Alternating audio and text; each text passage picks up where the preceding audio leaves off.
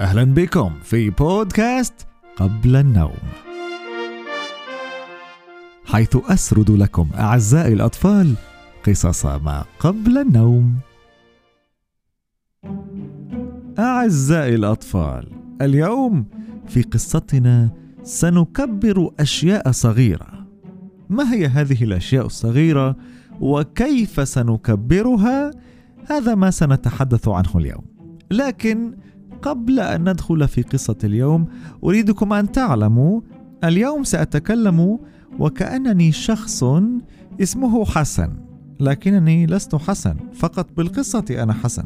لا تنسوا حسنا. واليوم أنا متأكد تماما أنكم لن تسمعوا القصة قبل أن تكونوا قد غسلتم أسنانكم. أنا أثق أنكم ستكونون قد غسلتموها. وحتى نبدأ القصة أتمنى أن تغلقوا عيونكم وتستمعوا لي وأنا أروي هذه القصة.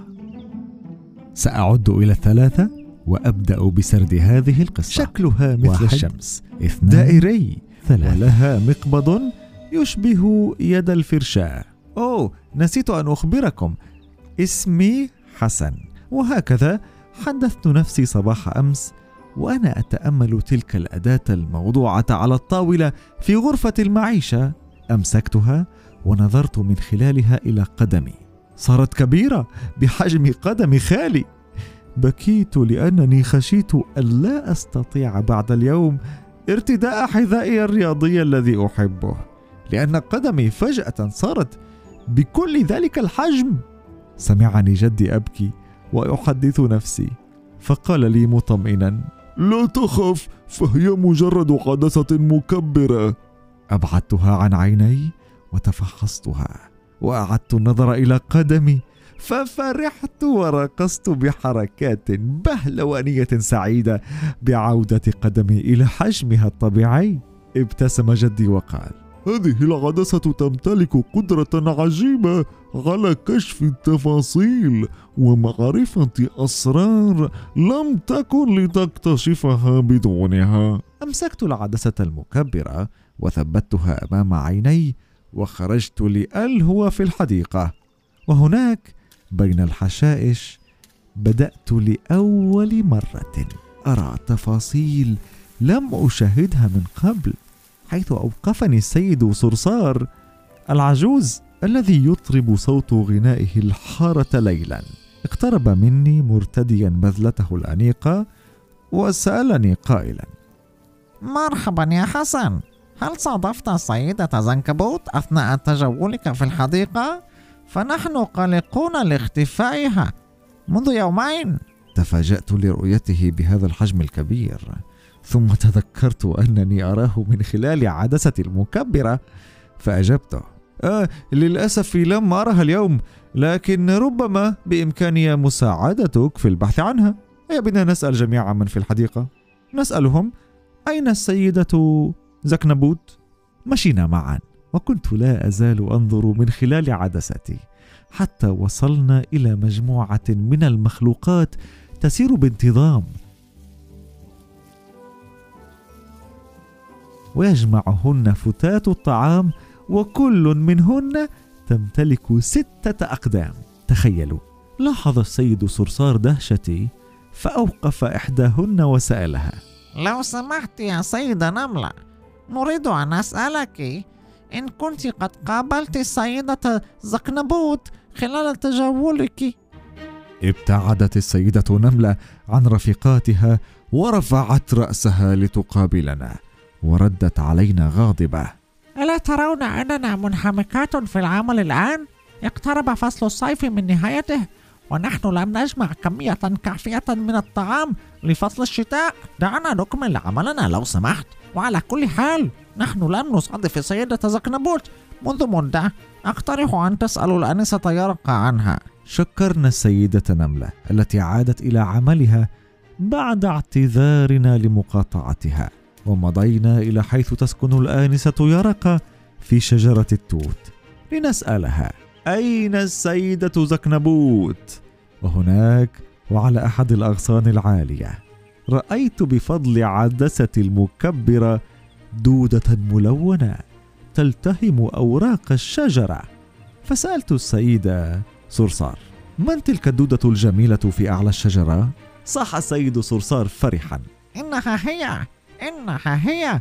مساء الخير آنسة يرقة أعتذر لمقاطعتك لكني أريد أن أسألك إن كنت قد قابلت السيدة زكنبوت هذا اليوم؟ ردت الآنسة يرقة بكسل بعد أن ابتلعت مضغة الورق التي كانت تلتهمها.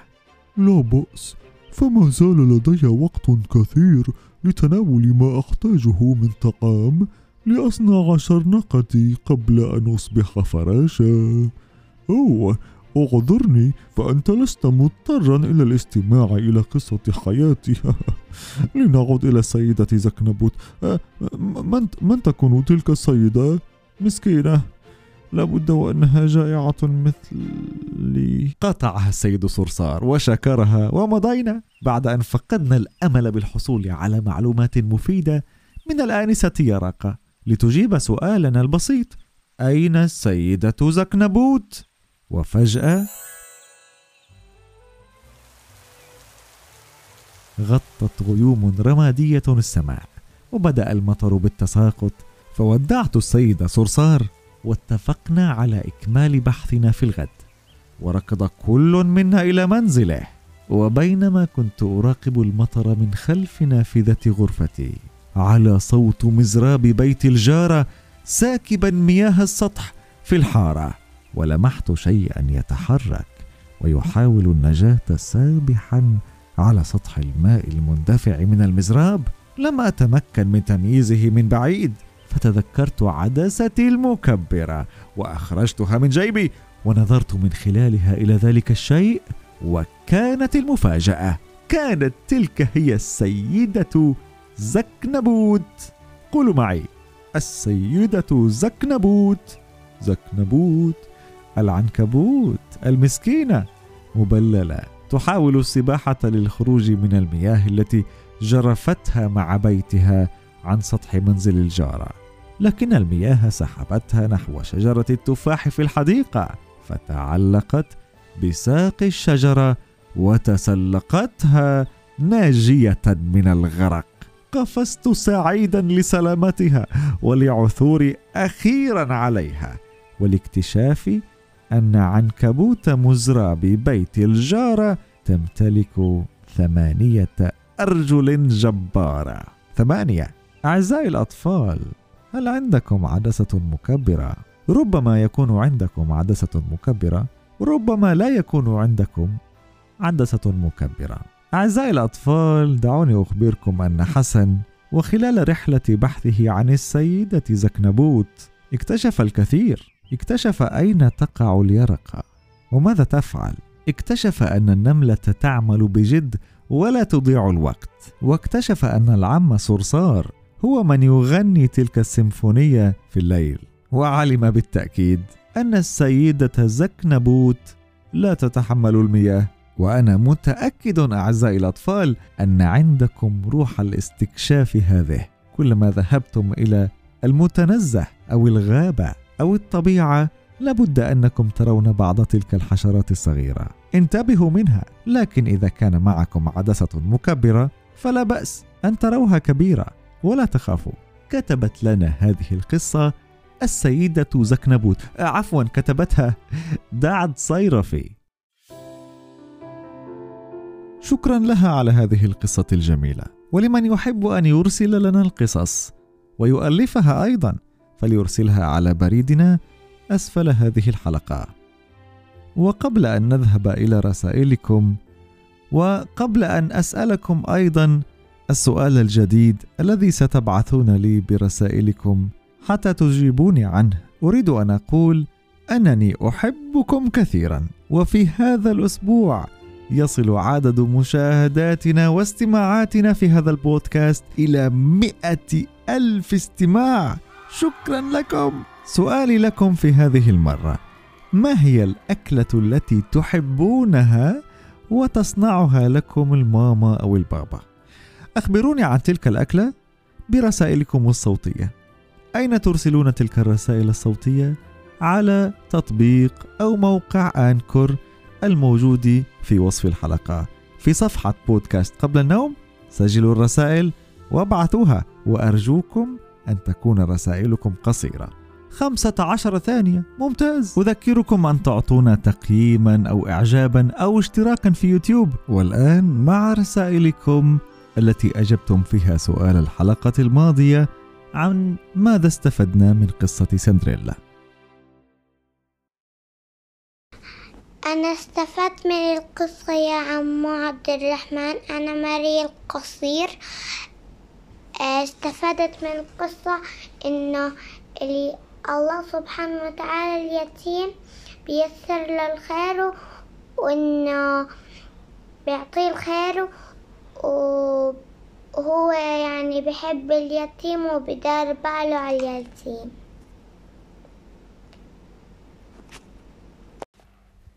السلام عليكم عم عبد الرحمن أنا اسمي ياسين. تعلمنا من القصة السابقة أن من يعمل خيرا يلقى خيرا. أتمنى أن تقرأ لنا قصة النبي يوسف. أستاذ النوم أنا أنا عمري أربعة وأنا اسمي توتة ونمت من من سندرة معكم مغرونين مرحبا عم عبد الرحمن كيفك؟ أنا بحب قصصك سندريلا وبياض الثلج وكل القصص بتحكيها. اسمي تعالى عبد الرحمن أنا بحبك أنا اسمي آدم. السلام عليكم عم عبد الرحمن. أنا ياسمين من الأردن وأنا دائما أستمع إلى قصصك الجميلة وأتمنى أن تقرأ لنا قصة فيها أميرات. أهلا بكم ببودكاست قبل النوم. أنا أشكركم على هذه القصة الجميلة. أنا عمري عمر. أنا أنا اسمي عمر عمري خمس سنوات. إبراهيم أقول أحكي. أهلا بكم. بودكاست قبل النوم. أنا اسمي إبراهيم. أهلا يا. شكرا لهذه القصة يا عبد الرحمن. م- مرحبا أنا بحبك كتير وأنا بستنى قصص جديدة حلوة بدي نزل قصة. أنت حتحكيها حلوة وعند عند قصة سندريلا والكلب الأصحير المجنون. باي. أهلا أنا عادل عندي خمس سنين. أهلا أنا عمر عندي تسع عندي تسع سنين من مصر أنا وعادل إخوات وحبينا قصة سندريلا وشكرا يا عمو عبد الرحمن. تصبحوا على خير. يا أطفال. أهلا عمو عبد الرحمن. كيف حالك؟ أنا اسمي عبد الرحمن من الأردن عمري تسع سنين وبحب قصصك كثير وبتمنى تحكي لنا قصة سيدنا موسى عليه الصلاة والسلام. مرحبا يا عمو عبد الرحمن. أنا تقى تعلمت من قصة سندريلا نكون طيبين القلب مش أشرار. كانت هذه قصة ما قبل النوم. لهذا اليوم أحلاما سعيدة.